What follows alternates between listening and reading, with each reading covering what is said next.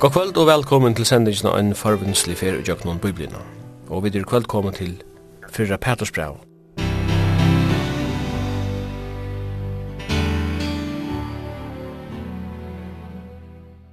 Henta sendingen av en forvunnslig fer og jøknon biblina er høyre lintene hvert mykje kvöld klokka 19 og endersendt ver fyrir 17 var klokka 15.30. Og i studion er Simon Absalonsen og Jekon Zakariasen og Tor Arne Samuelsen er teknikere. Vi er som sagt kom fram til fyrra Petersbrev.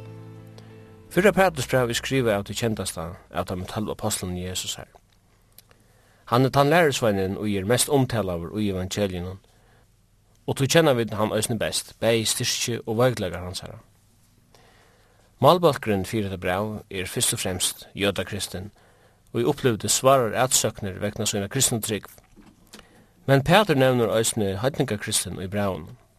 Vi kunne tog sige brev er allmönt. Ta en leser fyrra Petrus brev, så er eis at de skriver etter at Nero Kaisar byrja i sina mivisu og hunali akstran av taim kristna. Løyingar, sorg og røyntur er til likla år og i fyrsta Petrus brev. Og neivan nekar var bedre egna var at omrua hetta evni enn just Petur. Han hei sjálfur last nekva lufsins skula, ikkje minst jøknun eimugt og løyingar. Han aminner om at eimøyja seg under veldig i håndgods, men eisne om at søyne eimøygt fyrir hver nøren. Stoltløyge og sjálfsøkni høyrer til gamla menneskjanon til, og fyrir alltid er skapa trobeleikar. Sjålsøk skal et fylgje hava hirar, men drøymein og i arbeidin til hiran er a vera fyrirmynd fyrir fylgje og ikkje harri ivertøy. Det er tidsis grøtt ut fra som braue, at ungen sanner kristen kan sleppa undan utsøkn vegna sunna tryggf. Men Peter sier at jo større ætsøknen er, jo større er pastoren i rujtje Kristus er. Fløyre evangeliske sannleikar som vi tsutja og i kvidesunder røv Peters genga atter og hesson brev. Og i jøkken hetta brev lærer en særlig truarinnar og frelsenar grunnvall a kjenna, og te er avgjørst neiut ta ætsøkner leika. Brevet er fem kapitlar, og i fyrsta kapitlet omtalar Peter – gert endamal er vi frelsen. Så gjerne tåsar han om tan ønstega som en parst av en livande bygning. Her er evne husgods, som er samansett av livande støynun. Skal hette hus virka etter atlan i neiet vi heilavun løyve og eimjugleika. At enda tåsar han allsamt møyr om loyingar og om strui truarenar. Og jeg, kunne godt hugsa meg at byrja vi at hos synder om høvundan er det som braun. Han er ikke nekkar avkjente personer i Bibelen. Nei, han var nokka en av dem som öll kjenna navnet, og at han sier navnet uh, Peter. Og vi uh, synger jo om en mannen fra sundagsskole av Peter ut av vattnet gikk, ta han sa Jesus. Og vi vet at uh, Peter var en fiskemaur. Han fiskar jo av Genesers vattnet, saman við Batjesvinnen Andreas. Og Jesus kom til, til Terra, og han kallar Terra frá at vera fiskarar til at gerast menneska fiskarar. Og tar får frá gøtnum og Terra fyllte Jesus i etter. Og som du sier, Petur var, var nok han maveren som kanskje var kjentast i middelen, tar tølv og hele tidsjø i samkomne. Og kanskje var ein grunn til han, at han var alltid han som, som var mest avkryten, og han var alltid han som stod, stod fyrst og fremstur, og tåsa i fyrst, og kanskje eisne at du ser man leiv fyrst framav, og det som han sier. Det var verst eisne tar man hikker etter listen og iver tar tøll lærer som er jesar, og i nudjensment, så stender Peter alltid eh, fyrst nevndur som uh, viser okkur kanskje av at han var kanskje leieren ui hisnir hopen av sin tølv mannen som fylls for Jesu. Og vi vet eisne at uh, atna Jesu var risen opp og fyrir til himmels, og heilig andre kom og tog bostad, og i, og i sankumene var det Peter som stod fram som leieren av det første sankumene i Jerusalem, som uh, talsmæren kan man godt sia, at tala fyrir, uh, fyrir sankumene fyrir fylkje, og at tala år gods til fylkje. Peter var fra Galilea, det vet jeg vet, og Josefus, Flavius Josefus, den, den kjente jødiske søveskrivaren som uh, skriva i fyrir den romerske herren. Han, han var guvernører i Galilea og i, i Anatoi. Og han skriva i uh, ångstene såleis i litteraturen sa seg at Galilea var, uh, var var et ekle uige folkasle. Og det var øyla spontan, og det var elsynt, og det lopa ofta fram av, eh, samtidig som det var og medelig lojal, og de halgav seg 100% til det som de, som de byrja av. Så eh, ta tidsja til Peter, så hadde jeg suttja alt det her i hånden. Han var en maver som eh, var ekvelia spontaner, og han var ekvelia oppfærand, og han leip ofta fram av i åren, og han sier eh, kanskje ekvislige år først, og imskar utsakene som han sier var, var øyelig ekvisligere og, og stårar, som han kanskje slett klarer å leve opp til, som gjør det til at, at han eisne fall, men han var avmedelig lojaler og han, han bardest lyka til endan, og han han reiste ikke opp at det tar han, tar han fall. Det var, det var noe som jeg kjente eh, Peter, det var leser i kjøkkenen, eh, jeg sier eh, evangeliene som, som han kjønner nevnt i, og eisen tar vi huksa om eh, brøvene som han skriver i, og eisen tar som leser om Peter i, i Apostelsønnen. Det som er avhåverst, det er hvordan Jesus Kristus som uh, Peter fyldsvinen, hvordan Jesus sprøytte hans her liv, fra å være hans spontane, oppfærende, ilsende eh, maveren, eh, som han samtidig heier hese karakterene som, som var nomen av hånd Jesus her, og han gjørdes en av medelig kærleksfotle maver, og han gjørdes en, en sterske maver, og han gjørdes en nøyrygur maver, som han fylltes for Jesus, som han fall og Jesus hjelpte den opp at, som han synda imot Jesus, Jesus fyrirgav og han endur eist sett han inn og uthennast. Og da vi lesa i jøkken Petersbrøvene, bæg i tvei, så sørger vi at her er maver som verlig er nomen av håndgods, og som kan tala vi myndelaika om hva løyingar er for nega, og eisne om eh, kussi og medelig stor nøye gods er og i løyingun og hvordan vi tog ei at vise øre nøye som færre tjøkken som løyingar som vit. Så, så vi lærer nekko om under mannen. Vi vet eisen til at Peter var, var en gifte med og vi vet det her fra eh, Fyra Korintbrev at han, som han færreist, som en evangelist, eh, han færreist nok vi Jesus, og han færreist eisen som en evangelist, at han har Jesus færre til himmels, rundt kanskje ui eh, tog romerska rujtjen, imsastenar. Og Paulus sier at Petur ferreist og hei konu sinna visser av sinne ferrum. Så, så det er nekva ime som vi lærer om han her mannen. Ja, du nevnte familieløy av Petur. Vi vet at han var atavar ur Betsaida. Det stender Johannes evangelium kapitel 8. Og han bor i Kapernaum. Og Kapernaum ligger vi allar norrast vi Genesere kjekven, medan bet Betsaida, heimbøyren kja Peter, er lutsinde norrar. Og um, Jesus kom jo inn i huset her som vermaur Peter, la vi feber i Kapernaum. Og sommer her utfra tog uh, konkludera eller skapte teorina at møvelig eller oiva hever Peter er han flutter ur Bethsaida til Kapernaum, i samband med at han hundet henne kone og, og, har bosatt seg i Kapernaum. Det er jo ganske ikke også sånn. Nei, jeg hadde til, til, til en ekologisk nyerstøve, at som han hitt kone sinne, så er han så er det flott kanskje inn til eh, verforeldrene, og som Sjone har gjort til at han flyttet så heimann fra sin egen heim og, og når til hans kona var, og Og så sjå han det han Jesus i inntøy, vermor så inn er sjuk og det er jo et av ondrun Jesus her som vi leser om at han gjør det at han gjør det vermor Peters fruska fra sjukene som han, som han lav i. Du nevnte Josefus og ut fra søvene vidar vi ikke så helt lytig om Peter altså fra kyrkjesøvene høysene eh, mitt annet er at han kom til Rom og var i Rom og løy blåvittnestegjen i Rom.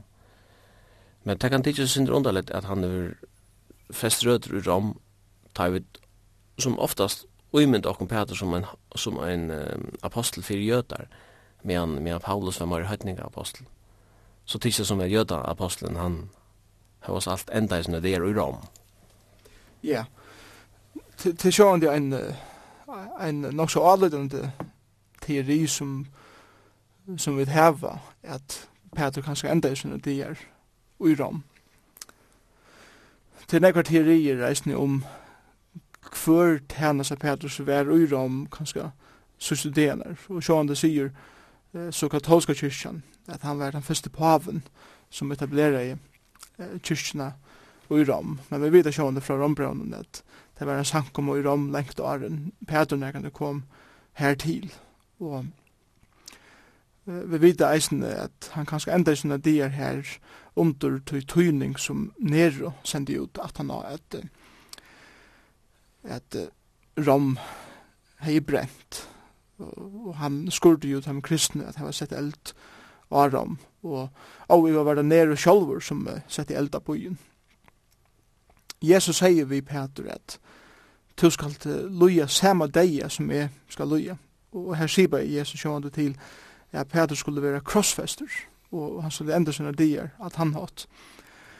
Og tradisjon sier at ta i så Peter kom her til at han skulle eh, loja blåvøtten stegen, og han skulle krossfestast, så be han om at uh, sleppa være krossfester vi høtten og nir etter, tog at han, han kjente ikke, kjente seg ikke verdig han at skulle uh, dodja samme hatt som sin herre og frelsere døy, og tog be han om at han kunde venda vi høttene nyr etter tog han var krossfester. Hatt er sjående eh, tradisjon, vi vet ikke beinleis om, om det var såleis, men eh, hatt er så kurset her som eh, gommel tradisjon om deia Peters sier, og eisne at han enda i sine dier og i Rom.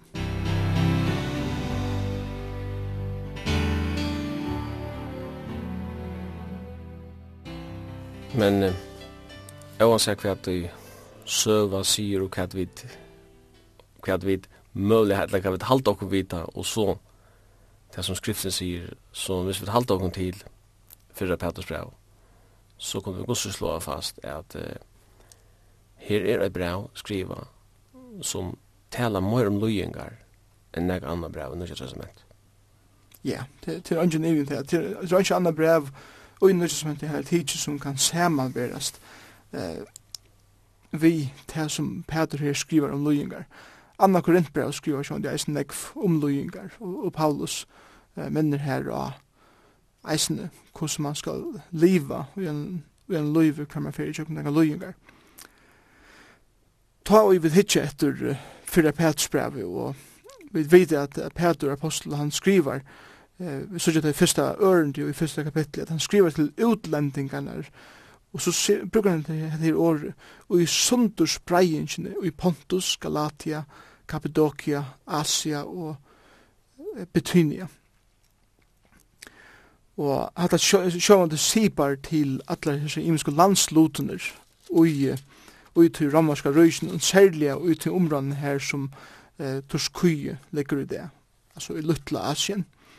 Og vi vet det som jeg nevnte i Janne, at ta ui Rom brente i år 4 eh, etter Krist. Og det var en sommer at det kom eldre i byen. Og det var så at Rom var oppbygd vi, vi nekvun tempre. Og Nero som var, var pura patuskur at, at uh, bytja. Anker sier at han sett i eld av tempre fyrir jeg kunne brenna det borster og slippa bytja oppe av nudgen. Hesar er veldig og stor og bygningarna som ja, enn standa i, i rammet det at, at hitje etter. Og her sjående gav han de kristne skyldene fyrir at han har sett eldabojen som sjåan sjående var en, en, en finne måte at lette skilten ånder på. Og dette førte til at en øylig tøyning eh, kom i måte dem kristne og det får i jøkken omedelig svarer, trångter og, og løyingar som gjør det eisne til at jøtene særlig som eh, som var i Rom, som var blivit kristner, måtte flutja. Og til tog han nevner dette året, sunderspreiingene, og til dette året som menas vi, de som måtte eh, flutja, pylagrymer, eller, eller rettere sagt, fløttarfolk, som, som rymte fra Rom, ut til alle disse imenske landspersoner som han nevner eh, herbeint og de får og medelig store løyingar, tog at uh, tøyentene fra nere kom til alle landslutene, at kristen skulle være tøynt for sine trygg, og eisne for det som de hadde gjørst i Rom. Så i sin daglige løyve, eh, ferdig jo og medelig svarer løyingar, og bibellærer halta nok at dette brevet var skriva ikke så lengt at han nå enn den tøyne som byrja i. Så kanskje omlai år 5 trus er det godt år at djeva fyrir Pets brev, tog at det tås så løyingarna som, som ei kjento det kristne akkurat det togina. Så må man rakna vi at Peter Huber livet enn tvei år at han har at dette brevet skriva. Ja, vanlig er det helt at Peter uh, lei stegan ikkje så lengt at han har Paulus og eh, onkur vil være vi at teir våre i rom om som og tog hver Paulus sæði fenghuset, så var Peter eisen i Rom, og sjående heisen, sørste tog eisen her i fenghuset, og han handla i blåutens degen. vil halda til eisen at Paulus og Peter var saman, av og av til sørste togene, men det vidar vi sjående ikke. Men hvis vi ser dette brevet, jeg skriver år 35, og og Peter døy omlai og er tjei trus, åttu trus. Så, så levde han ikke lunge at han var etter brev, og så han enda styrt at han var anna Peters brev, var skriva. Og i samband med den søvlige bergrunnen fyrir det brevet, så kan jeg nevna det at til, til skriven en rettelig kjent skaldsøva, som kallas fyrir Kovatis, og som hever vi løy Luja Peter Gjera og den sørste tøyna og i Rom. Og den, den skaldsøven er omsett til føres og er utgjøren og kovatis merker jo hver fest jo. Og her, her sier man at, eller søman vil være vi, at Peter flytt jo rom vegna av større forfylgjengene der. Og vi ut rom møtte han Jesus. Og da han ser herren, så sier han, kovatis domino, skal festu jo herre og Herren sverre er vi en rom at blå krossfester fyrt til øyne fra treet, og ta vent til Peter og før innan til rom. Og så er det sikst at han enda i sånne dager. Men under alle omstøden så hade jag at att Östlux skal så er är eller nyttelig å lese till du du får en fina en fina mynd av du at du søvel i bakgrunnen og och det omstøden som de de første kristne var jo i. Jeg hade det som er, det som er nemlig godt vi skal och og og ørene som er til at det gjør noen gav mynd av kanskje til daglige løyvene. Det vi må minnes til at ta vi vil lese i jøkken Nødja Testament, og vi leser i jøkken evangeliene og eisne brøvene, så er det øyla selektivt. Altså det er høvendren hever tid til det som er områdende å skrive om ui hese brøvene. Og tog får vi kanskje ikke de store myndene er av det daglige løyve, og hverju folk de omkringust og hvordan de daglige løy vær og hvordan familieløy vær og hvordan de færa av oss. Og sjåan få syndra mynden av dujas men, men ofta er og eh, skuld mestarar til at kunna lesa i middelreglunar og, og sjåan det eisen bruka fantasien eh, som alløygaval er grunn av eh, og gåa granskan er søve og mentan og, og øren og utheimen omstående som hese folkene bo i. Og tog får det ofte gåa mynter av hvordan dagligdæren her vær. Og tog tog har vi ofte såra viring fyrir skaldsøven og eisne fyrir filmen som er gjørter om hese imenske personene og om liv og dagligdæ og utheimen døven eh, hver Bibelen var skrivet i. Så tog sitte jeg stående pris på eh, til lømsende bok som Kovatis.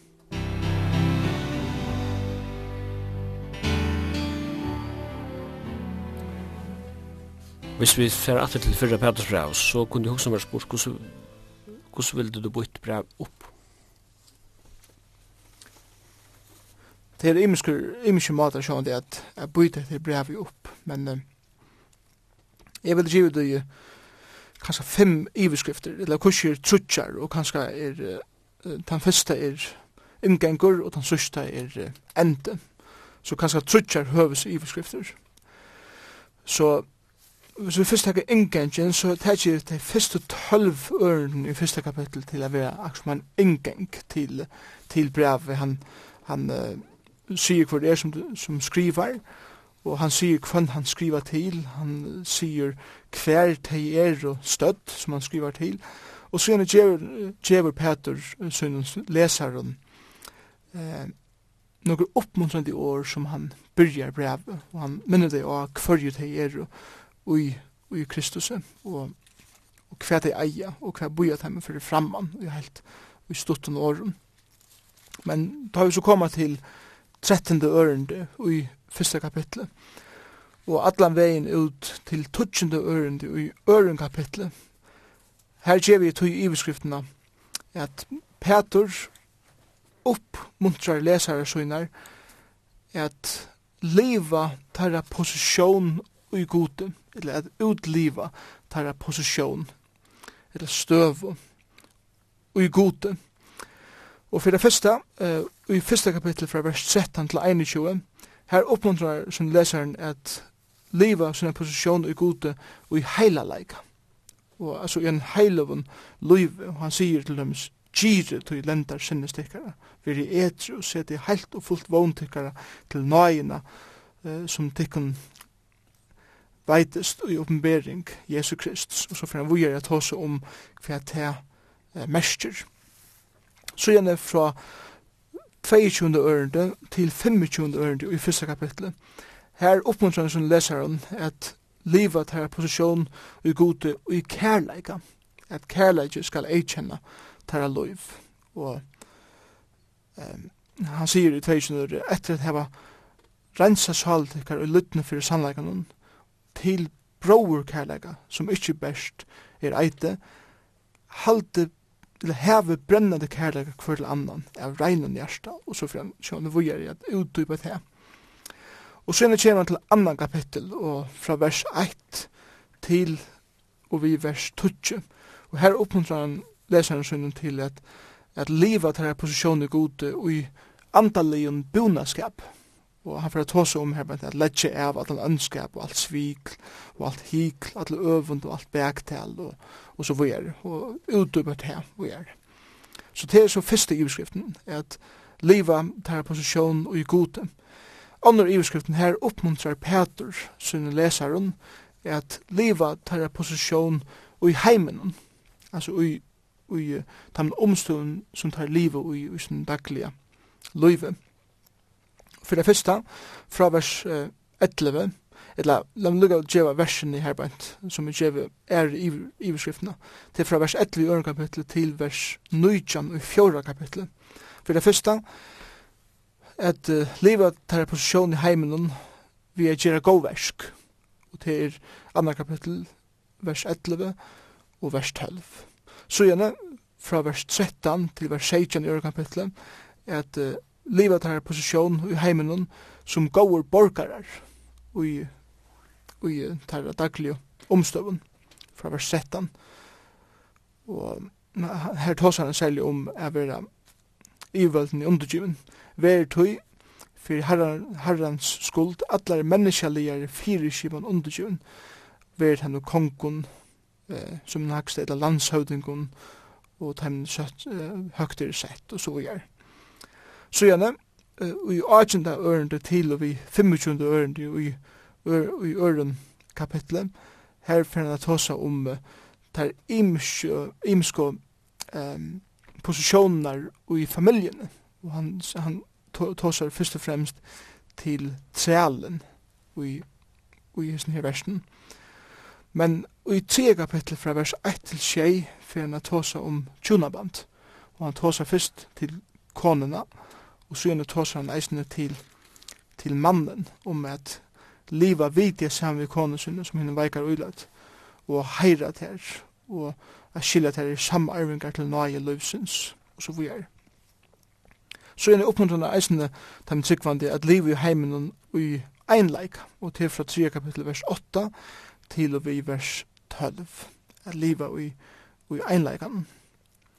Um, veri öll samsint, elski brøvnar, veri miskull som eimjuk, løn ikkje ilfrilt, ikkje ha fri ha, sikne tvers og og så vi er. Så einleik. Og så gjerne fra, kap fra kapitel 3, vers 13, og til kapitel 4, vers 19, fyrir han at hosa om at hava rattan hukkbor og ljósen av eh, til lujing som det livet i, i hesten heim. Så det er annor høvesiverskriften. Så er den tredje høvesiverskriften, det er her oppmuntrar Peter lesarsynun til at leva syna posisjon i samkommende. Så for det første var det i herranen, for det andre var det i heimenen, og for det tredje så er det i samkommende. Og til så fra 5. kapittel vers 1 til vers 11. For det første, og i de fyra første versene i 5. kapittel her, taler han til eldstar, eller samkommende leierar om at hei skulle røkta fylgje gods som god til vi givet heimen, eh, røkta det vel, ta slag omsjån vittui, ikkje at fingsle, men sjålkrauter, det er sjálv oppoffrant, Ikkje bare for å få ljóta vending, eller bare for å få ljóta løn for det, men av fusen og sannun hjärsta. Så her er en anmenning til, til eldstar og samkommeleier. Men så i tamon fylgjande versen fra vers eh, 5 til vi vers 11 i 5. kapitlet. Her fyrir han så at heita at hei unko, er vi er at eldre undergiven, at visa eimjukleika, og er god stendt dem stolt i motor. Og han oppmuntrar öllum tamen etru, eller tamen eh, tryggvann er veri etru, og her sier han meira til at, at veri til reier og vetje, Det er most med tekkare djevelen, gonger rundt som brølande leiva og leita etter hver han fyrir glemt. Og han sier, stand hun mot i öll hitt sikvant, så at han ikkje fyrir tekna fatla. Luga mykje hos stora lujingar i lugingar til heva, så, så stand hun mot og vi halde det til, til god. Og så er det sørste ørenden, til seg sammen som fra vers 12 til vi vers 14, til så enden, og her helser han eh, samkommende, og han nevner noen nøvn, som til den Silvanus, han nevner Markus, og så bare ender han ved å si, helse hver øren, vi kærleiks kosse, frier vi vi ødlantikken, som er jo ved Kristus.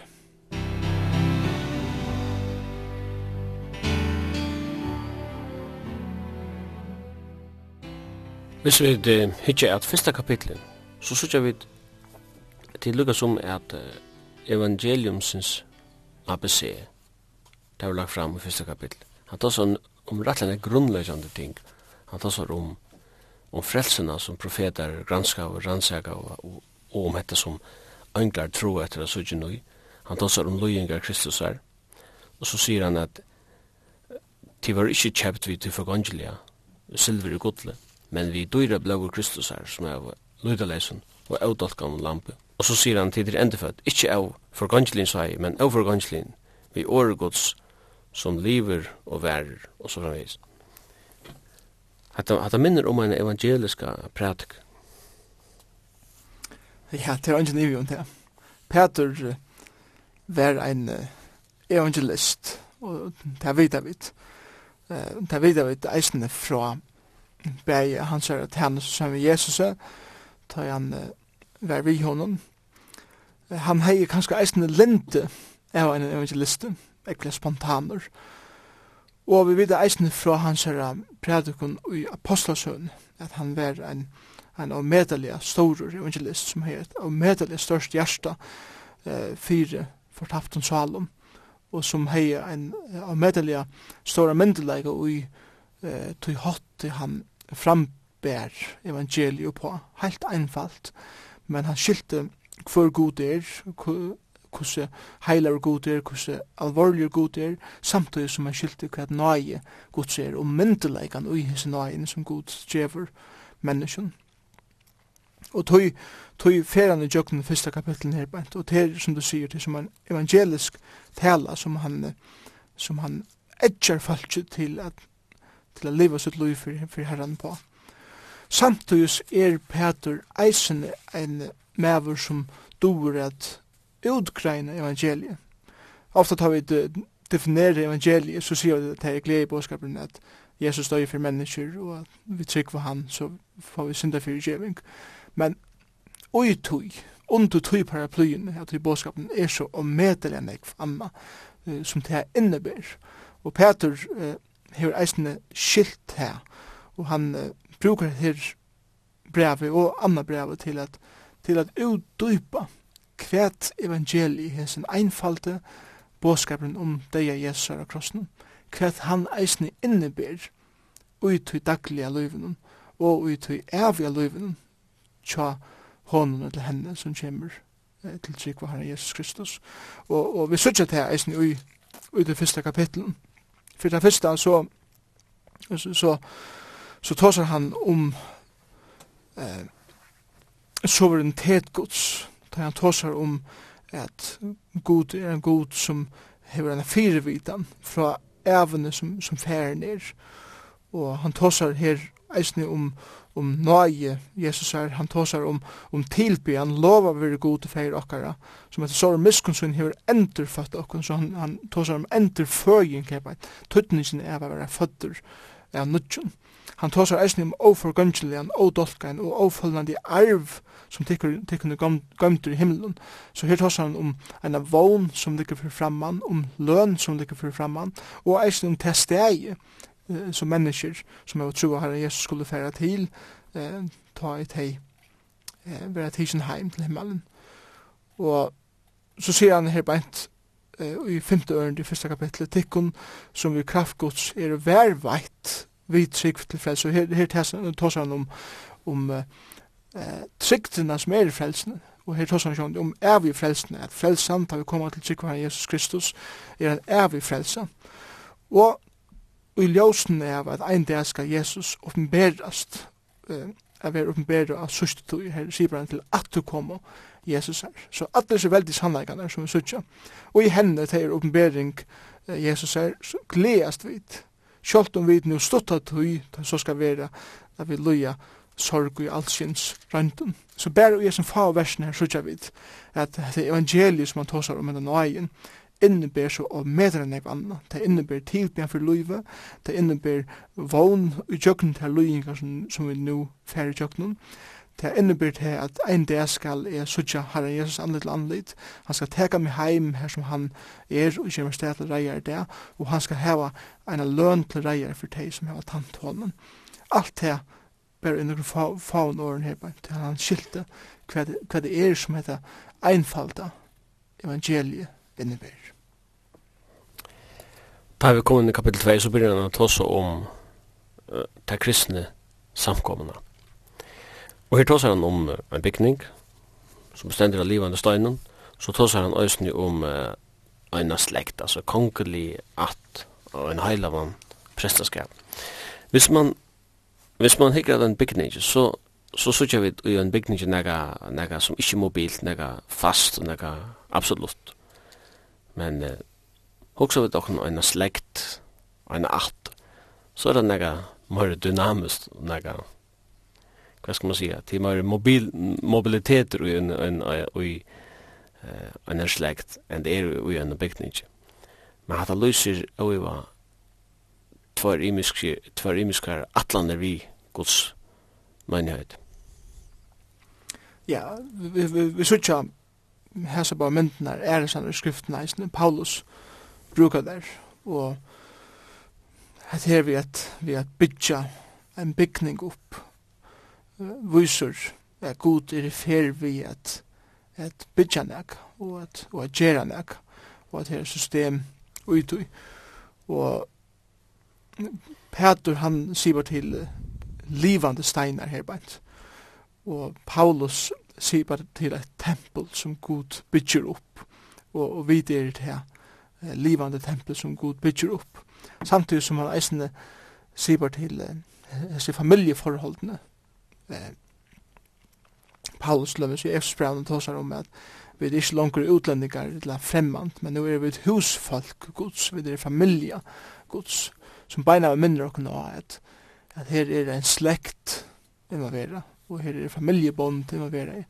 og det som Petra eisen viser okken av her bænt, at att vi er et andalt hus, vi er en heilar presserskapur, og vi er et folk som er utvalgt, ta er vi kommen inn i, kan man godt sia, nästan hetta blå forhold som er i en familie, som eisne er ute i andre i familiene, som er et, et evet familjeband, og ikkje bare et gjøres familjeband som eina for eh, endar og, og folk dodja eh, fra familie og sånn ekka. Men henda familien som man sier til her er eh, en, en evig, en viværande familie familja som alltid skal være saman i himmelen.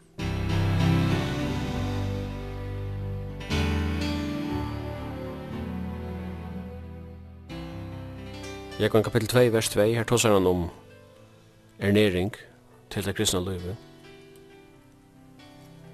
Ja, det er avers hvordan han, hvordan han brukar nemlig at det er et år næring. Um, Vi leser et ørende. Traje, en så nyfødt bøtten, etter henne oblanda av mjölk årsins, fyrir at tid av henne kunne vaksa til frelse, som satt som tid av smakka at Herren er gåur. Og hette å ha vært mynd som man brukar her bænt. Um, ein en så nyfødt bøtten etter henne oblanda av mjölk årsins, og foreldre kunne beina vi identifisera seg vid det som Peter sier her beint. Vi vet ikke om Peter hei bøten, men, men kanskje er, lyser det kanskje at han kjenner til hva det er til bøten eh, skrutja etter mor mjölkjene, ta det er sveng, til Det nyttar ikke at røyna trøsta deg, eller røyna at, at næna deg, eller genga vitt Det vil jeg bare heva eit, og det er mjölkina fra mammene. Eh, Og det som Peter sier her, bænt, det skal være som disse bøttene. Hette skal være tikkere troen etter årene.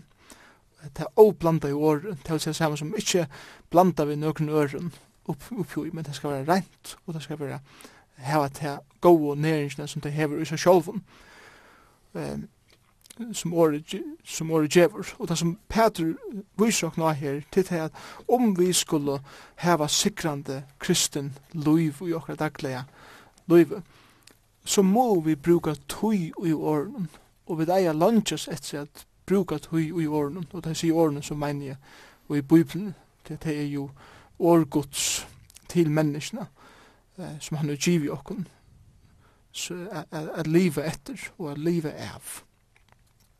Og han, han sier i første ørende så leis, Letje tog av alle ønskap, alt svik og hikl, alle øvund og alt bergtel.» Nå, det er nevnt å si at her. Og, og ein og hver kan si at her. Men, men spurningene er alltid at når man har sagt er slukt, er kvosse skal jeg så letje alt det er forskjellige av som hongur av meg. Og Sverige er nemlig ui ørnørende til vi har brukat hui i til at det smarra tøy du brukar i åren eh, tess, tess meira myndelega og styrstje fasta til at lette allan, av allan ønskap og alt det eh, som kommer inn i akkurat dagliga liv. Og så sier han at det som hender, ta det drekka og åpna mjölkorsens, fyrir av tid av henne kunne vaksa. Så, så at det hever vi andanlega en bunanskap at gjere. At det smeira tøy i brutju i åren, det smeira andanlega byggvinn fyrir at gjerast. Og han nevner her bænt, fyrir at hit av henne kunne vaksa til frelse. Og det er akkurat som han sier, eller det kan miskyrast eh, som om at han sier her, enkelt at hvis du bare leser eh, i Bibeln så färdig kanskje ena for at nå fram at du er frelst. Men det er ikke som han säger helt enkelt. Det som man, det som man kan omsette omsätta til, til, til så sådär fire tid av henne kunne vaksa ui frelsene som til langt heva finnje, så at de kunne eh, aksom utliva hana meir og meir og uttykkara løyve og uttykkara posisjon eh, i Kristus og han sier bare sjån til heila gjeringsna, at de kunne gjeres meir og meir lyk Kristus. Nå, til avverst har vi samanbæri at det her uh, vid det som Paulus sier i Kolossebrand 3.16, her sier han, «Lad i år Kristusar byggva ryglige middeltikkara, så tid i öllum vísdom læra at amena hvers anna vi salmon, låsongon, andanlig vísun og sinja indislig hjørstendikkara fyrir gode. Og her, så får han sier til, til koner, eh, vi tekkara mann og underkjønner, tid menn, elskje kone tekkara, tid bøten, akte foreldre tekkara, tid foreldre, elskje bøtten tekkara, ikkje til reie, tid trealer, akta tekkara herrar, tid herrar, færre vel vi tekkara trealon, og så vi er. Det er akkurat som, som, som Paulus sier her på en tatt, ta i det bruke tøy i åren, for det har en avvirskan av tekkara samfunnet, først og fremst eh, vi god, men eisne vi ånne mennesker og det som Peter viser av her, bant i øren kapittel i fyrre Peters brev, er det at ta tilbrukar tog i årene så for det er eisen at avvirska tekkara lysan vi gode, til at det at at liva meir og at sitte sér pryser på frelsen som det finnes i hånden, men det er for eisen og avvirska at tekkara daglige løy saman med og her sier man først og fremst til eh, det er for hjelp okken at liva sikrande løy, men eisen at, at ha god versk, at at leva som gode borgarar, som nevnte Janne, og i okkara samfella, at leva som, eh, som, som gode gode hushaldarar i okkar familjum så vi er, og han sier bare eisen til tjonabande i 3 kapitlet, og eisen til kristnan einleika i 3 kapitlet, og til akkur som det er grunda å til tøyina vi bruka i åre gods og i åre kristusar, og, og såleis vi er fyllt av heilig anda gods som vi okkom bor. Kanskje anker sier som så, ja, men jeg har prøvd å lyse Bibelen, og Bibelen virker som en mer eller mindre atterleden lag for meg, og virker gade for, og annars sier som så er at hetta vi, vi leser skriftene og kunne som skriftene, ja, men var ikke akkurat det som farseren gjør det, var ikke just av skriftlærer som, som avkarde Jesus og finner han krossfestan. Hvis anker sier som hva, hva svær er man å gjøre sånn? Ja, sånn det, yeah, Sjålen skal man være væren hvordan man sværa falsk atur ta, ta ein kjemmer, men ofta kanska ein som sier eh, nekka som at det her hevur kanska haft ein eller er sannar ein øyla chili erfaring av onkrun eh, vi vujande som lesna i og og kanska hva andre har sagt og så við. og det er kanska eisen nekka vi okkara måte å komme til Bibelen på. Ofta halda vi kanskje at vi kommer til Bibelen, nå er det nega mystisk i virusen, og vi halda kanskje at nå spiller god krekka og blomta vi okkur.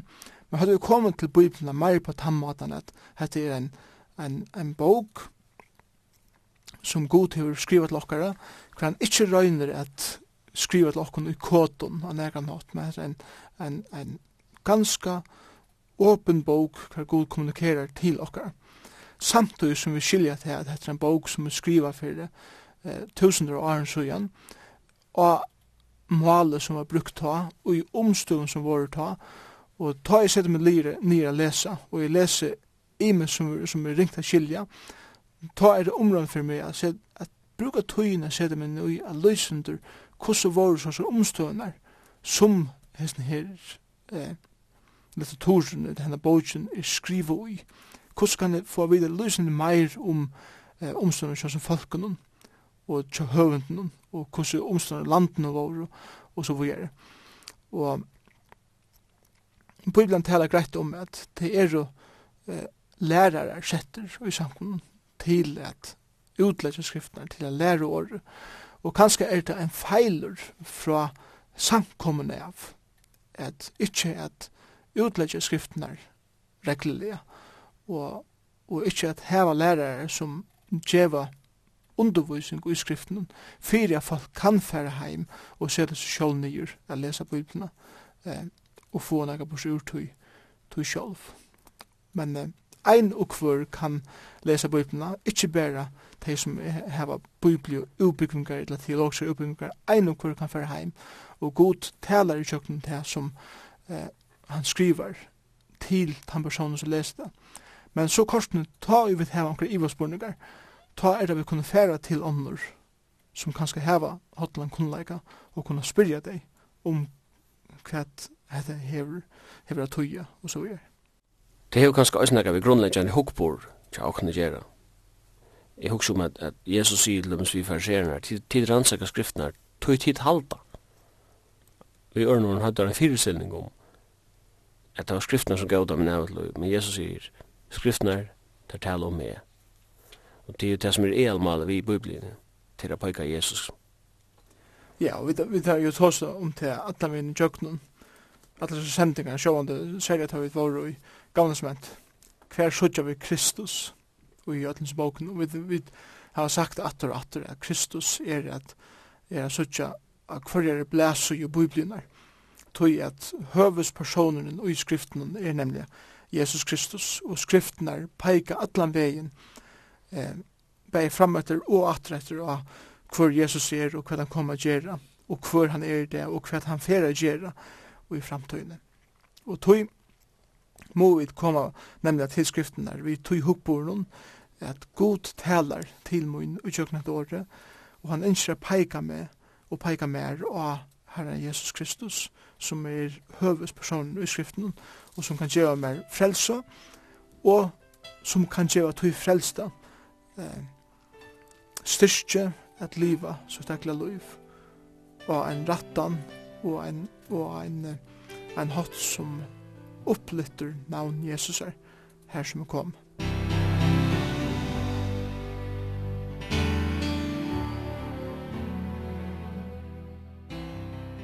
Vi har nevnt at uh, i første kapittel er det særlig evangeliet og frelsen som er evne, og i øren kapittel er det bekningren og presteskabren, det lukker som det kristna kollektivet, om så man sier. Det kommer tre kapittel, så viser det seg at uh, iverskriften til tre kapittel, til er eimugleik.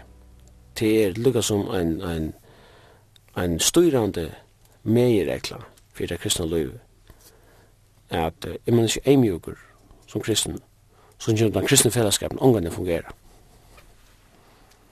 Vi sørger ikke det først og fremst i Jesus i sjølven, som er det største fridomme om hva det er mye gleisje er, at han bakte seg sjølven nyer, og han tante mennesken, og jeg husker det kvalitet, kvalitet av krossfester, han bakte seg sjølven nyer, Jeg vaska sjølv fødene av sin lærersvenn, og her setter jeg nemlig et fyrdømme for hvordan vi ei at eisne at bodja okkur nyer at henne øren ui eimjukleika og at ikkje at leta stoltleika eh, teg okkur løy til god stendur ta med stolt og vi motor sier Petra eisne og han tar seg om eimjukleika nemlig i ljósen er fyrir fyrsta eh, uh, i tjunabanden her på en til tredje kapitlet at han tar seg til konar fyrst og fremst, vi er egne mannen undergjøvnar, fyrir at enda teir og ikkje vilja akta år kunne være vunner utan år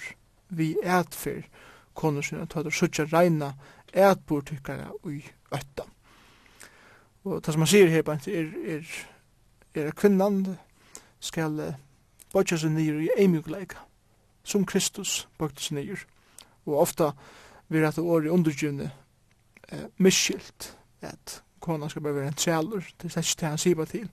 Han tar seg simpelthen her, men om en vera som Kristus, er bare ikke sjølvan, nyer og tæna, enn øren. Og han sier at tekkar ei mykleik, tekkar at tæna seg, er en fyrdømme for her menn som ikke vil ha tryggva åren, til å si sammen som ikke tryggva, og at her som Jesus har sagt om seg sjølvan, at bare tekkar æbor, som avspekler Kristus er æbor, og ei eimugleika, kan gjere til at her kommer til trygg, og her er Jesus Kristus. Og han sier bare eisen her til at maveren er eisne at vise eimjukleika eh, i for sin kone. Og maveren er sin kone undergiven, og vi tror at han er som Kristus, at han eimjukleika seg og tæna sin kone. Og til det som han sier kjente ørende, som er sitt menn, livet vet jeg sammen med kone som henne veikar og ilat. Og her sier man sånn til det fysiske og ilat, at, at kvinnan er fysiskt er veikar og, og tog er det kanskje nemmere ikke en mann i at jeg styrer den, men han sier, han sier mannen ikke gjør det her, til skulle heire det her, tog at her, her er samarvringar til nøye livsens, det er, det er av samme støye som tid, og i egen Kristus er, er det her ønske under underdikken eller atanverdikken, det er samarvingar til nøye livsins, det her skulle njóta løyve og alt det som det her inneber lykka så vel som tid. Og han sier, han sier han det her, om det ikke gjør det her, om du ikke er mykje til og ikke tjener konen til og elskar deg, så skulle du helst råkna vid til at tikkara samfunnet med skal vi ordan, og han sier bare her, fire bønner tikkara skulle ikke være hindreier. Vi ørnøren, og med maver, en tryggan maver, ikke eh, opplytter sinne konen og heirar henne, og, og gjever hon henne til plass og til ære hon eier, så, så skal hans her bønerløyv, og her vil hans her andre løyv, være hindra og det er mødelig alvorlig å huske om det.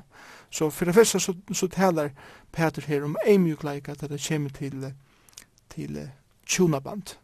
Men så får han vujere at hos om eimjukleika eh, og, og en vujere begrep eh, ut om familjebondene og inn i samkommebondene om at elska brøverne og systrene og i, og i samkommunen, at livet her og i einleika og at ikke at at lønne ilt fri ilt, at onker gjerra nega, ikkje lønne atter vi illen, eller om onker hoa det, ikkje hoa atter. Nei, du skal signa til at du er hoa du skal signa til at du løyer ilt. Det er det som vi var kallet til, at vi skulle arva signing. Og han, han tar seg her på en eisne vujar i uiskapitlen om eimugleik at det kommer til mine tal, at halda mine tungo og i teimen, som nesten eisen tåsa om, tåsa om Jakobs brev. Tøy tann, vi vil, vi vil elska løyvi, og sudja gåa dier, halde tungu syne fra ytlun, og vörrun syne fra at hela svik. Og så får han tala om gerir, vendur seg fra ytlun, gerir han gerir gåa gerir, og at sudja fri, og at stevne etter tøy frien. Tøy ei herrans er iver hinn rattvise, og øyra hans er vend til bøntarra men asjan herrans er motet heimen som gjerra illt. Og det er ofta vi, vi stoltleika gjerra. Tusi han, ei mykje tikkun, vi snir. Og så kommer kanskje til, kan man godt sier, klimakse, eller til, til høvus heiten og kapitlen, og det er nemlig i 15. ørende, Og her tås han om hvordan vi er liv og i eimjukleika, samme med dem som kanskje sitter spurning vi til kristne trunna, og, og kanskje okkar liv hele tidsi, fyrsten dørende fyrir samanens skyld, skuldet hit nu lije fyrir rattvise skuld, så er det sel, glede som det, her er noen øtta fyrir teimen, og er ikke ratt, hva skal du gjøre? 15 ørende. Nei, halvdje herren Kristus og gjør som tekkere, og veri alt til reier, og veri en verja tekken for ein og kvarjon, og kreve tekken til råkneskap for vågna som vi tekken er. To, vi spek for det, og vi øtta. Så han sier her, og i øtlen føren, halvdje herren Kristus og gjør som tekkere. Det vil si det samme som uttikkere hjerte, det vil si det samme uttikkere inneste menneske her skulle det akkur som seta herran i hasat, halvtjan, seta han til suyus, seta han til a vera han som sendur fremst og som sendur hakst og tikkara luive. Ta i han gjer det, og ta han er ut i posisjon, ta skulle det vera til reier, verja tukken for einu og kvarjon som krever tukken til rokkenskap. til er samme som ta i folk for å sette spurningar, omtikkara tsikv, omtikkara luivstil, omtikkara omstøver. Ta skulle det være til reier, fire reisen til kunne prate. Og så sier han legger til at råkenskap for vånene som må ikke kunne er. Så det er akkurat som folk sier at de sørger frem etter, de sørger opp om disse løs omstøvner og i disse trångtene som det er om. Hvor, hvor, hvor livet er såles? Og til slutt vil reier er svære at. Men så legger til at tog vi spekfører og vi øtta. Det vil si som saman som vi, vi eimjukleika, og eisen i største viring fyrir heim som spyrir hendan spurningen, eller heva seg spurningarna til tekkara loiv. Som tei og heva goa samvisku, så tei eh, så, så tei som lasta goa afyrtekkara i Kristi kunne være til skammar i tui, som tei begtala tekkum fyrir, som ilgjer menn. Så tei skulle ikkje være før fyrir at, at baktala tikkun eller beskylda tikkun fyrir imus som du ikke har gjørst, tog jeg tid sette herran fremst og tid eimutja tykkun sjolv som eh, ombudsmenn Kristus er.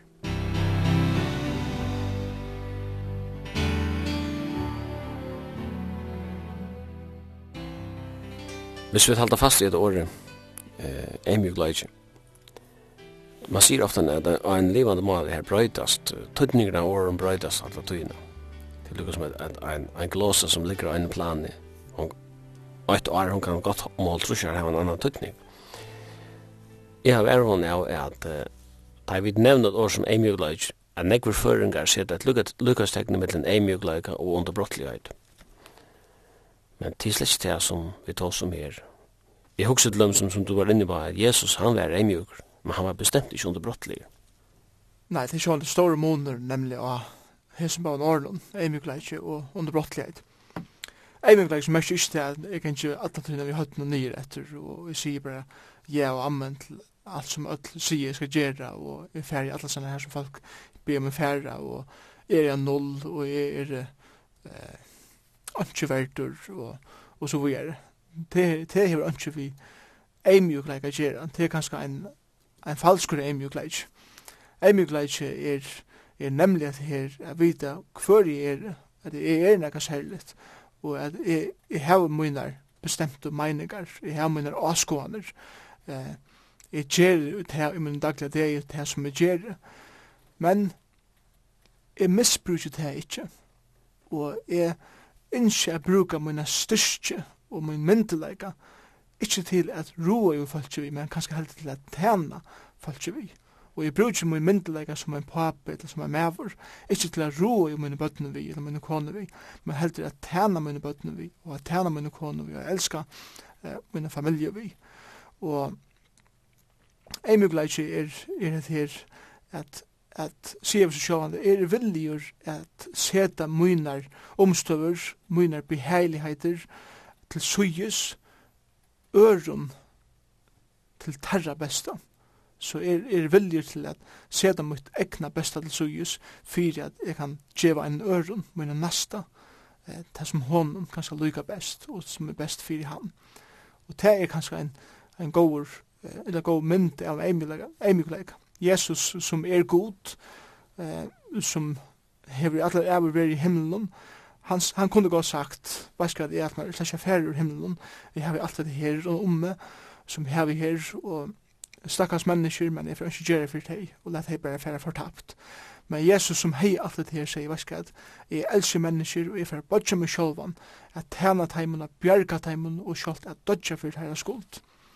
Og, og Jesus, han er gjørst det, var opp at lytter til til navnet som han alltid har båret, som han visste og veit at ein dag at mennesker skulle bodja sunne knø fire, og hver tunga skal gjøtta, ja, Jesus Kristus er herre. Og du nevnte eisen Jesus var eimjuk, men han var ikke underbrottlig, og det er at vi eisen nekva senar og i evangelien. Han kom ikke til tempel i hana dagen, og, og, og bare sier stakkars tempel og stakkars jeg. Men han gjør det seg en tamp, og han ræk alt som seldu og som kjepte inn i tempelen ut, og han korte peningaborn om koll, og han, han røpte at til skjera eh, mot hus og husferien som til til en sånn bøle som de gjør det til, og han reg ødelig ut, og, og han visste at, at han hei en omedelig myndeleik, selv om han var en eimjukur mever. Arne vi slepper kapitel 3, så kunne jeg huske meg lyga nevnt og et vers her. Det stender at Jesus fjør og prædka i fri andonom som vore i værhalt. Og hatt er så et uh, torskilt vers Og nek spyrja, hvorfor han prædikar fyrir andnum? Og hvert måtte han prædikar fyrir andnum? Ja, at her er en en ometelig lengur og stårer til også spurningur som uh, til åker fra byrjan av heva granska og til nekvar nekvar bøker skriva om akkurat her spurningin Men jeg halte at og i heilt stuttun så kan han, kan han, kan han svära sig men det var ju inte ett nöktande svär och och tog, tog inte bara att jeg så stort som man kan. Vi vet at är att ta i satan fall, så, så fotlo eh nekver enklar vi honom som det är och under enklar, och som det det er eisen kallet för ytler andar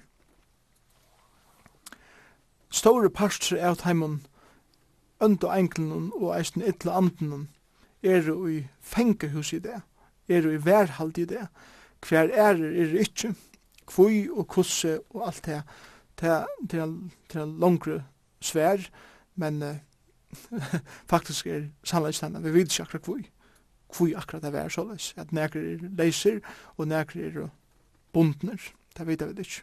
Og vi vet eisne at nekri er bundner til a vera latna leiser, til denne avvisa talaste, og i trongtartøyne som vi uh, sutja i oppenberingsne.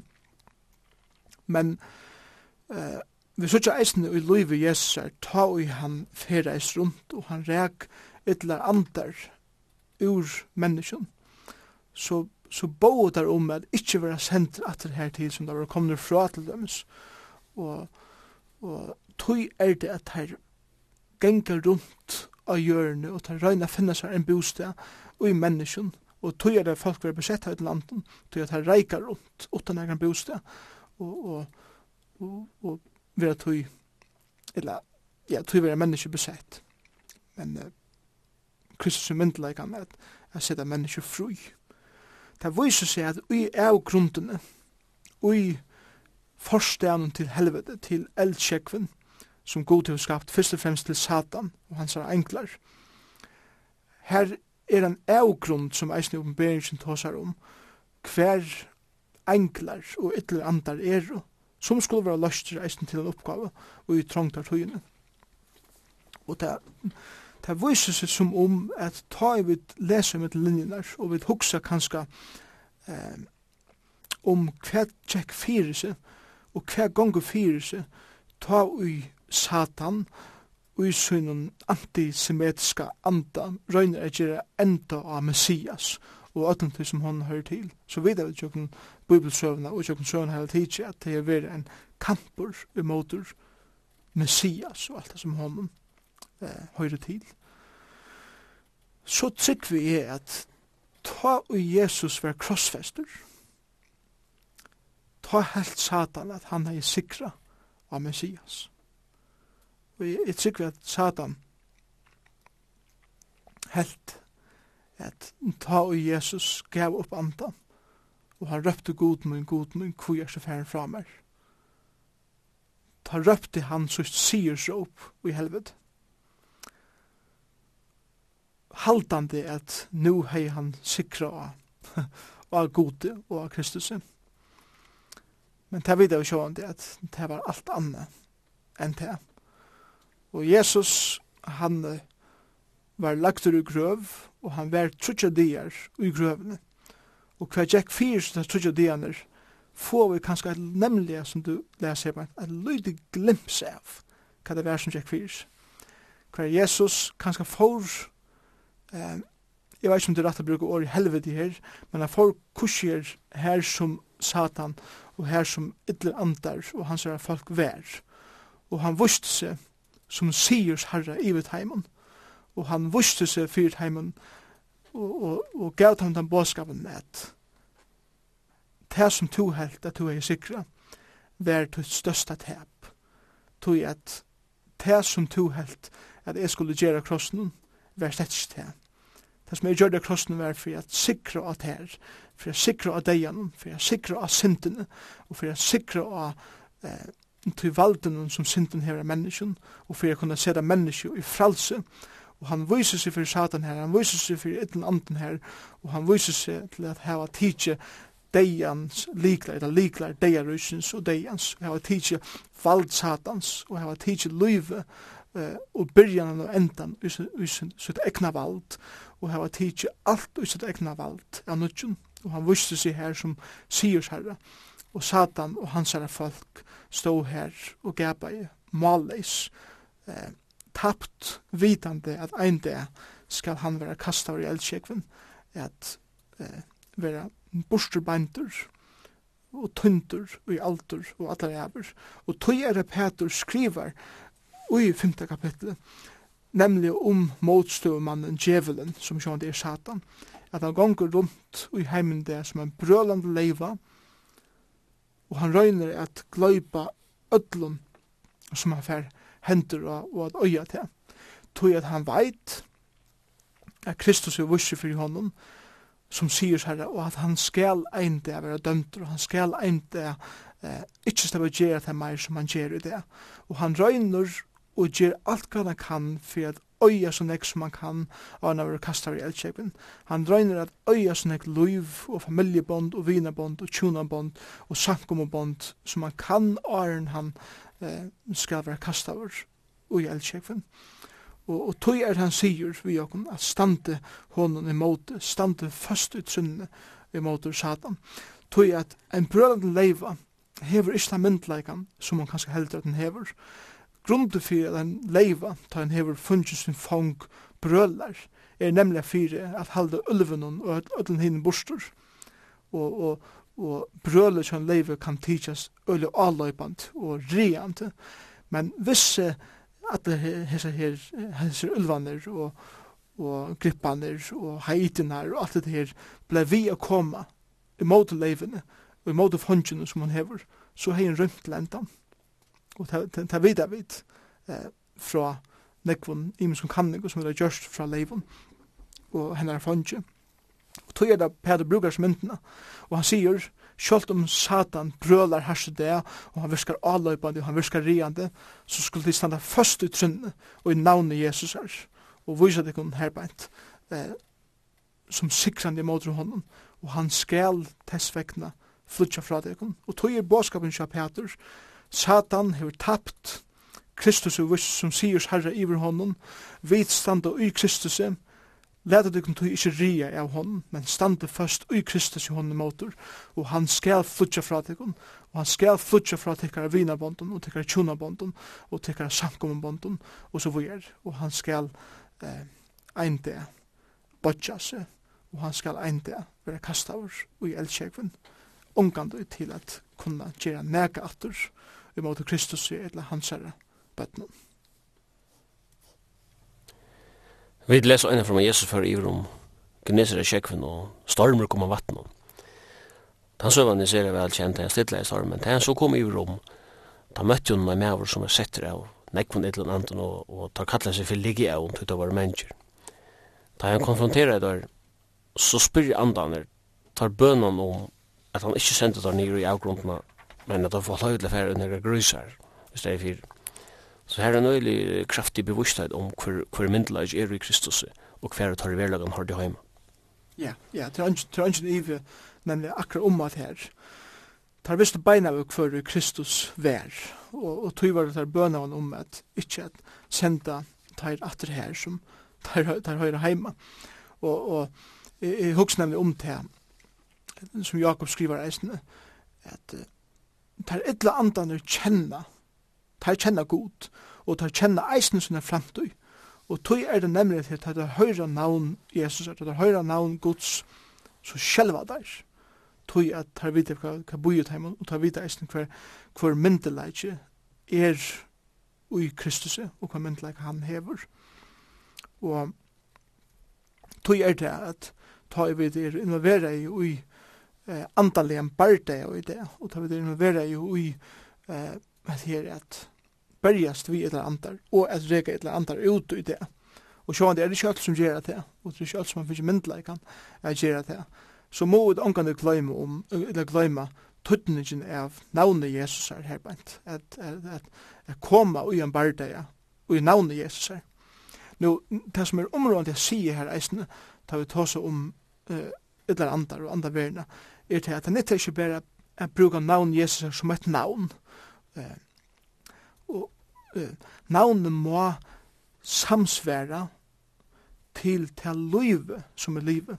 Jeg må leve mot liv i navnet Jesus. Det er det samme som uh, til navnet som Jesus omboar, til er personer i Jesus og ta myndelæka som han hever. Han må ha rei i min liv først og fremst, og, og han må være herre i min liv og han var at han som er liv mot liv fire, ta hev vi myndleikan, jeg kunne konfrontera eh, henne ønda, eller øndar andar, ui Jesu navn. Men hvis jeg bare, som er tryggvande, ikke liv mot liv fyrir er Jesus, og ikke eh, heve Jesus som herra ui min liv, så kan jeg ikke vante til at bare vi bruker navn Jesus, enn nu knapt jeg skal ha myndleika, at jeg reker et eller eller andar ut, eller jeg kunne samt en øndemotor. Navn Jesu må være en daglig pastor av min liv, fyrir at jeg kan ha ta myndelagan som ta navnet ber, ta det kjemmen til andre andaligen, bare det.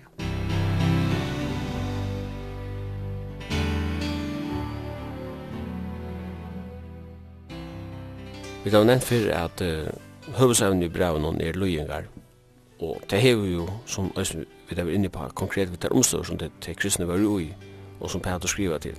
Men da vi kom inn i fjörra kapittel, ta visste seg at nu kommer dette her ordelig og i fokus.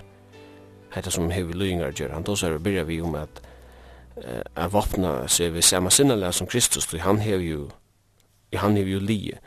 Og i vers 12, tid elskar vi understyrkja elden og kom nivetikken, røynatikon, som tar vendaga undalit og hendetikon. Og så sier han at tess møyre lot til hava løying Kristus her, tess møyre lot eller tess mörre skulle gleda dig så till ösne kunde gledas och fäknas i åpenbering då där han säger vi är att ju större eh, lojengineer ju större blir lotren och i dörren i åpenberingen Det som jeg halde er så, er så fantastisk og just her braun er til at Peter tåsar om lujing som neka som er tuttningar mykje fyrir det andalega luivet Og det som er rann som er vi sprann til det, det gonger eisen bant i motor uh, populære godfrøy. Hver hver vi talde kanskje at det er at ta det er sykkvande så har vi et ongar eh, trobeleikar, eller ongar løyingar og alt skal bare være en dansar av Rein Rosen og alt skal bare være ljósarett og, og alt stender bare vel til. Jeg hadde ikke til en, en sunn godfrøy, jeg hadde til en ekvelig obalansera godfrøy. Og, og Peter sier det nemlig i hessen versen som du siterer i, til elskar og undres ikke av elden og i kommende i utikken, som tevar nega undalit i hendutikken. Så han sier her bænt at hessna eldren, det er sjående lojengarna som han sier bare til her bænt at at tislu ikke for ivraska er av tøy, og til ikke halde at her er nega helt og vanligt som, som kommer i utikken. Hette er en pastor av av er kallaver en kristen. Hatt er en pastor av tøy at gerast et baden Jesus er, tog at som Jesus lei, så skulle tid eisen loja. Og han sier bare, her bænt i 13 dørende, tess meir lot til hava i loja om Kristus er, tess meir skulle til glea tikkun, så tid eisen kunne gleas og feknas, og i oppenbering durdar hans er. Vera ditt hoa fyrir navn Kristus er skuld, er det selv.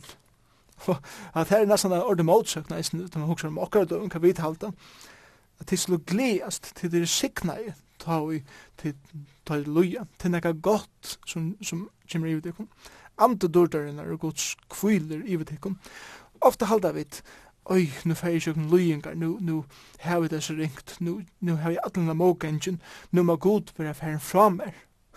Men det som Peter sier her, Bant, ta et tid løya, er det sel, og ante dårdarinnar, og her sier han til heile andan, trykk vi og god sjolver, kviler ivetikum. og så som sier her, god er kanskje ångan som nær, som du ak akkurat har til færre der svarast og lojen kan Og til å ha verst, jeg sutja bei menn og kvinner i kjøkken bibelsøvna og i kjøkken kyrkju samkommensøvna og menn og kvinner som er personlig kjenner i det i okkar landet. De sier öll den samme vittnesboren at Da jeg kjente meg mest nyelig, da jeg var ute i djupast delen, da jeg kanskje kjente meg mest enslig, eller enlig, og da jeg kanskje sjukan herre i herrast av meg, da kjente jeg god nærmast, og da kjente jeg hans styrstjo og kærlega aller størst. Og, og til det som Peter sier her, at om til verdelige eh, skulle kjenne hva det betyr å være badgods og at badgods er og hva det betyr at kjenne det som Kristus kjente, så skulle det gledes til et løye. Til at løyen som gjør nemlig eisen det at det styrkjast uttekkere andare løyve, og det gjøres enda mer byggvinn, til at det dyraste og reinaste godle fyrir jøkken den heitaste elden, og tog er det kanskje det dyraste og, og, og, og, og størsta og sterskaste menneskeløyve er det som fyrir jøkken den heitaste og mest brennande elden. Jeg var nevnt et vers i tre kapitlet som til Øysen sier var et trobult vers teologisk. Hetta vi at, at han fyrir og prætika i fyrir andon som var i verald. Da jeg kom til fjara kapitlet så har vi et annet vers som kanskje ikke minne trobult teologisk. Her sender vers 6. Tui var evangeliet kundgjør deion vi, for det skulle være dømt som mennesker i halden, men liva som god og i andan. Hva er det for nega at kundgjøra for deion? Ja, at det sier bare, at det sier bare for det første, ikke til de som ligger ute i kyrkjegaren. det sier bare ikke til, til de menneskene. Det er bare lykke å lese kanskje uh, noen vers åren for sammenhenskilt. Det er noe mye at hit tøyene i ferner har gjørst vilja hettningene. Og det er livet siløse gyrdun, fyllskapet, svirre, drittskapet, skamlige, at skamlega avgod av diskan. Tei undrast hui og spotta tøy til ikkje renna vi ut av sama eh, skamløyse studje. Men til skulle gjere hon rokneskap som er til reier er døma livande og deg. Nå, hatta verset er området at, at skilje samanhengen av hessen versen kjem nu. Tøy var evangeliet kunngjørs deion vi, fyrir at hei vurs skulle være dømt som menneske ui holdenon, men liva som god ui andan. Nå, ta han sier til deg menneske her bænt, så, så sier bara at til, til nemlig til at god skal døma livande og deg. Det er altså samme som eh, at han sier til en andanlian deia. Ikke beinleis en fysiskan deg, sjåvandi skal den andalige domer, eller domeren færa fram i den andalige degen, ta ui mennesker er likamlega deg. Og da han sier til evangeliet kunnkjørs deion, så tykker han sier til det samme som, eh, som Paulus sier i Efsbrennen, at tid som dei våre er nu livande. Og, og tog sier han at evangeliet er her man kunngjørst taimun som er andalega deg vi, og ikkje berre taimun som er andalega vakt, tog at hvordan vi er andalega vaktur, utan du fyrst hefur sovi, eller hvordan vi just livandi, utan du fyrst hefur vært deir, og det som, det, det som man sier til her, at kun, evangeliet vil kunngjørst taimun som uh, er andalega deg, og de, som ikkje vilja teka i motor, hins evangelion, skulle ein dag vera dømt, eh, som oppenberer seg kallar for den annan deian. Det er de som i hesen løyvenen døye utan Jesus Kristus skulle eisen være dømt ut i kommande løyvenen til deian, til annan deian, det er eldsjekveren i ørnåren helvete.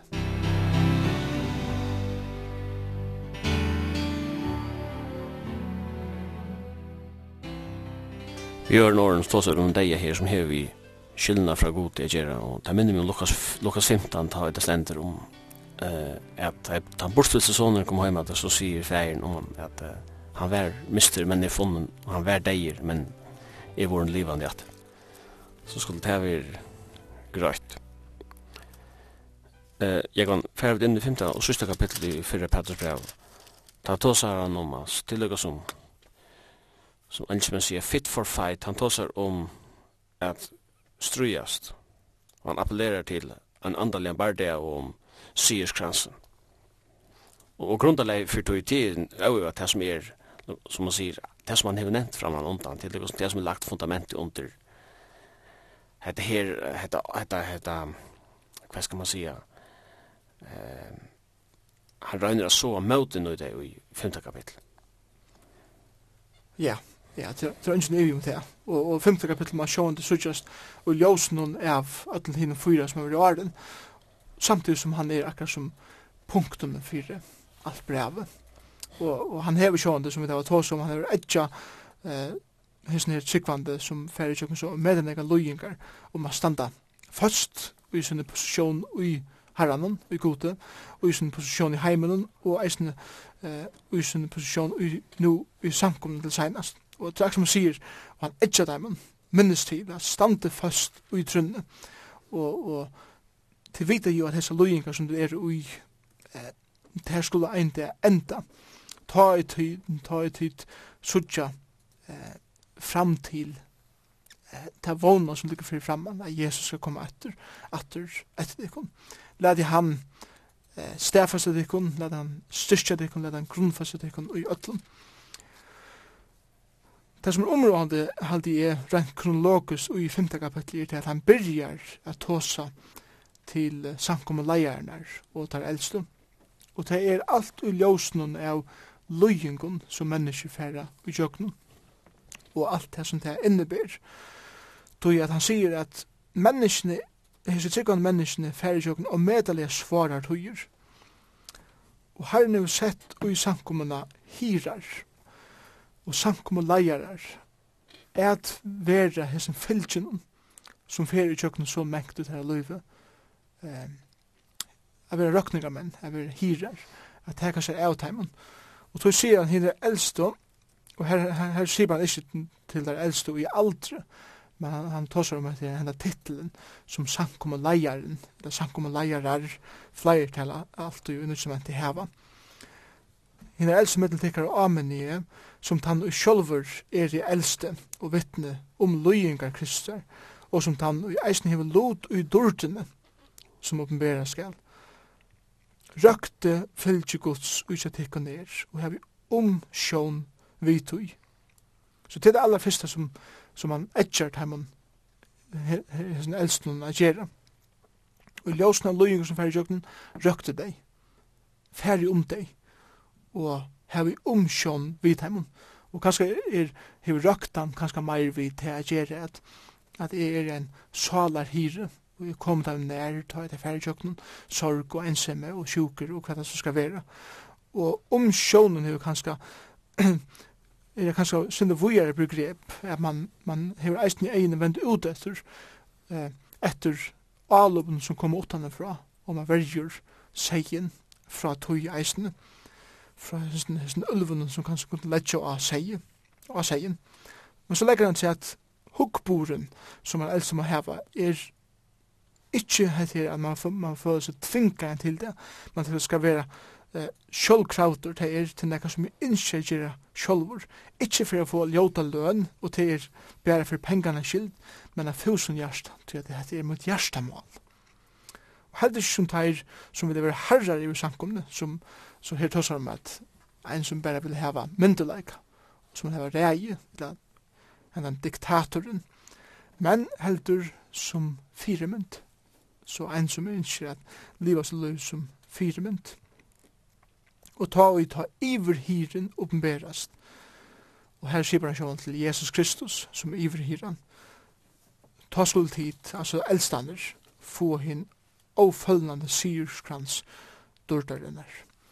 Så, så, så, her skriver han til tar eldste, og så får han vujer at hos at alle samkomna om å standa stersk ui tar løyengon, ui tar trongton, tui at fyrir festa, så er herren sett dem nekrar hirar, at han kanskje av dem, og fyrir anna, så hef det hir, iver hiran, som skal gjeva dem styrstje eh, til alt som de færre i jøknum, i sin liv, lyga til han åpenberast, og til søtja han anleit til anleit.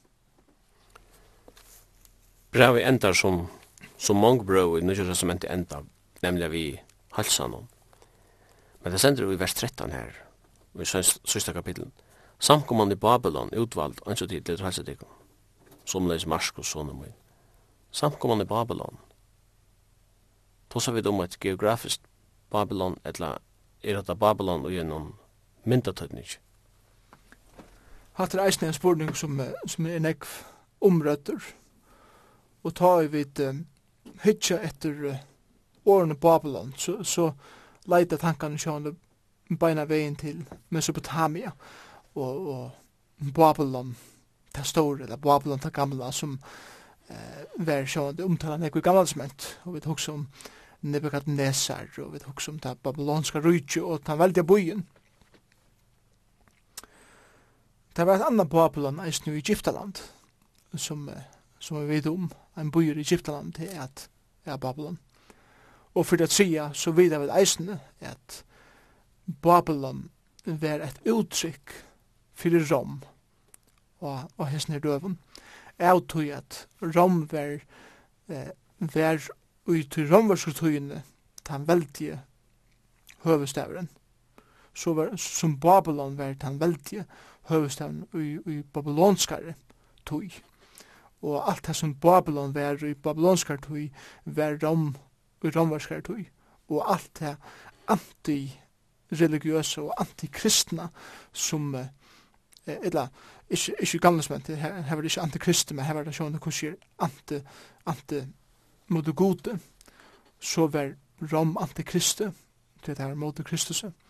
Og tøy halda kanskje bibellærarar i ljósnen av at dette brevet er kanskje skriva til terra som eh, måtte flutja under undan tøyningen som Nero eh, sender mot kristne at han rom var, var brent. Så, så halda kanskje fleste bibelare er det at Babylon her sipar til byen Rom. Babylon er ångte veri symbolisera eller hevur fortalt på tamatan at till hevur sett samband vi en konsentrasjón av, av politiskare og mentanaligar makt som ikke vil hava vi hin anna og sanna goda gjer. Ja. Det er eisne en, en pura, pura rødt tulkan. Og man kallar det ofta den babylonska andan, den babylonska hugbor som er motor ötlan, som er godomlet. Korsene er det avhåverst, da vi tar seg om Babylon, og vi kanna byen Babylon av Jesu døven, eller og settene enn til her av Pelsar døven, så var en stor jødisk koloni i Babylon, i Mesopotamia, og, og hesen døven.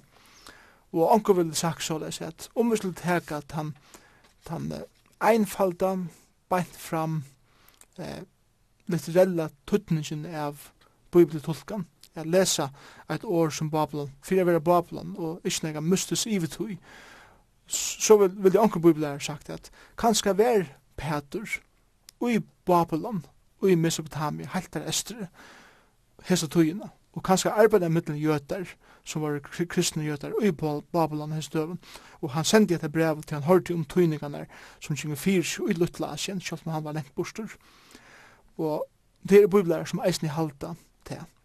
Og eh, biblar er imensra male, men eh, det er ikke en spurning som, som skiler noen folk.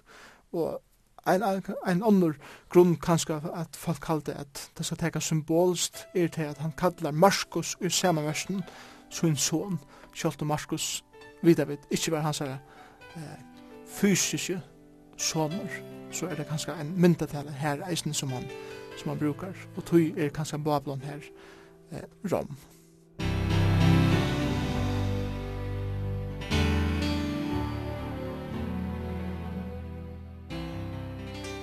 Og i hessen åren så færer vi til å si takk her fra Linden i kveld. Jeg skal til så si fra at henta sendingen av en farvidnuslig ferietjøkken på er at høyra hvert mye kveld klokka 19 og endesendt vi er fra 17. klokka 1530. I studien var Simon Absalonsen, Jekvan Zakariasen og teknikar var Taur Arne Samuelsen.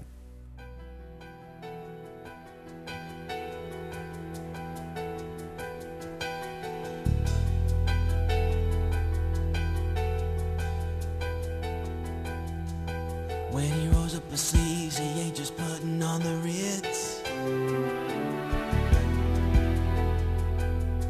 There are some footsteps and lightning in his fist. The Lord wasn't joking when he kicked him out of Eden. It wasn't for no reason that he shed his blood. His return is very close and so you better be believing That our God is an awesome God. Our God is an awesome God. He reigns from heaven above with wisdom bar and Our God is an awesome God.